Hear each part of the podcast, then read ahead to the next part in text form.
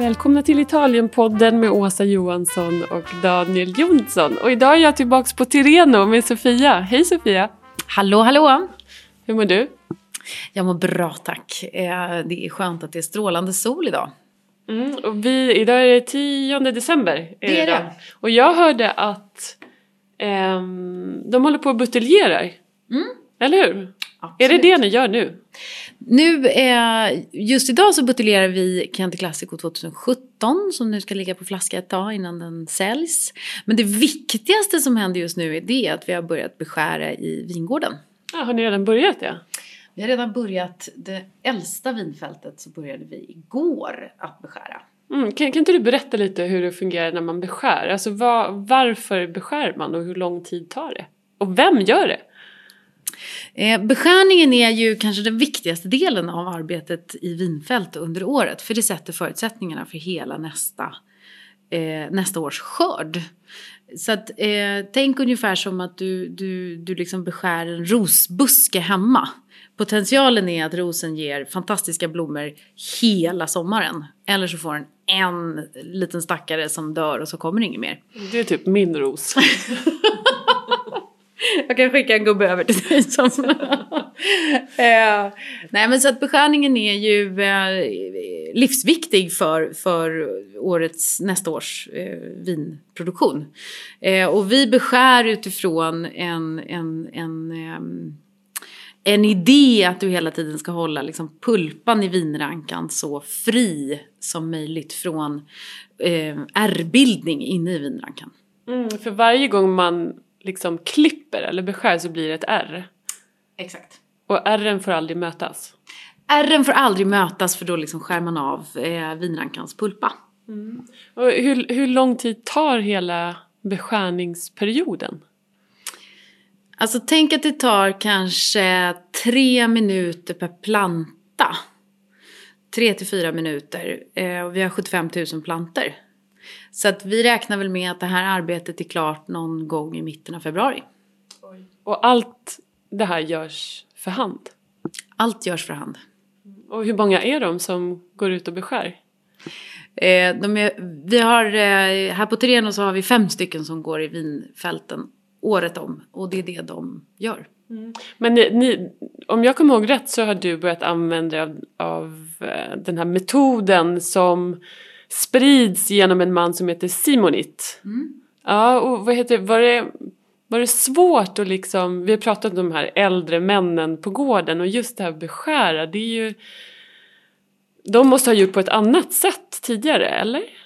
De har gjort på ett annat sätt eh, tidigare och vi har gjort på ett annat sätt tidigare på Tireno. Ehm, men ehm, märkte att våra vinfält började, delar av rankan börjar liksom dö av lite grann.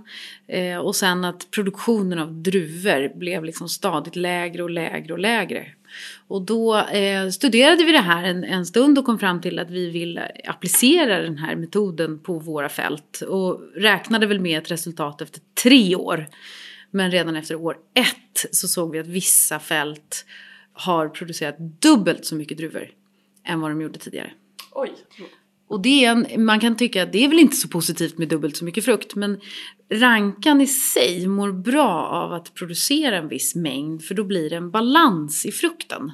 Annars så finns det risk att du får för koncentrerad frukt. Och framförallt att alkoholhalten åker upp alldeles, alldeles för högt i de eh, i det vinet man sen producerar av druvorna. Så sockerhalten helt enkelt sticker iväg. Mm. Men det här med, vad heter det, för att återgå till, eh, till buteljeringen. Hur ofta buteljerar man? För det är väl inte bara en enda gång utan det sker flera gånger om året, eller? Det sker ett antal gånger om året. Eh, buteljeringen är ju eh, en av de absolut viktigaste delarna av vinmakeriet. Eh, det är ju då man, man till slut bestämmer sig för att nu är vinet klart. Det är så här jag vill ha det. Innan buteljering kan man ju alltid backa. Man kan fortsätta förändra, man kan fortsätta på något sätt utveckla sitt vin. Eh, när man har bestämt sig för att nu är den slutgiltiga blenden, nu buteljerar vi. Så är ju det, då måste man ju vara ganska säker på sin sak. Eh, vi vill ju alltid buteljera upp allt vin i en enda omgång. Så all Chianti Classico buteljeras upp på samma gång så att man inte har två olika upplagor av samma vin. Varför då? För det blir olika smak lite grann på dem. Eh, så att i möjligaste mån, men det handlar ju väldigt mycket om vad man har för lagermöjligheter. Men i möjligaste mån så vill vi buteljera upp allting på en och samma gång. Eh, och det är ju otroligt viktigt att du, du kontrollerar buteljeringen för där kan det ju så många beståndsdelar går fel. Eh, dels så måste man ju kontrollera så att flaskor är rena och fräscha, att korkarna inte är defekta och det gör vi ju stickprov veckorna innan eh, och lägger i en blandning av vin och sprit för att extrahera både TCA och tariner ur korkarna. För att se till att de korkarna som har levererats ligger inom liksom felmarginalen. Mm. Så ni är en av de gårdar som gör så extra test yes! hemma? Exakt, hemmatester. Eh, och sen handlar det om att nivån i varje flaska ska bli perfekt. Det får inte utsättas för eh, för mycket eh, syreexponering innan buteljering. Alltså det finns så många komponenter i just buteljeringen som är en av de mer, mest avgörande delarna i vineriet. Mm.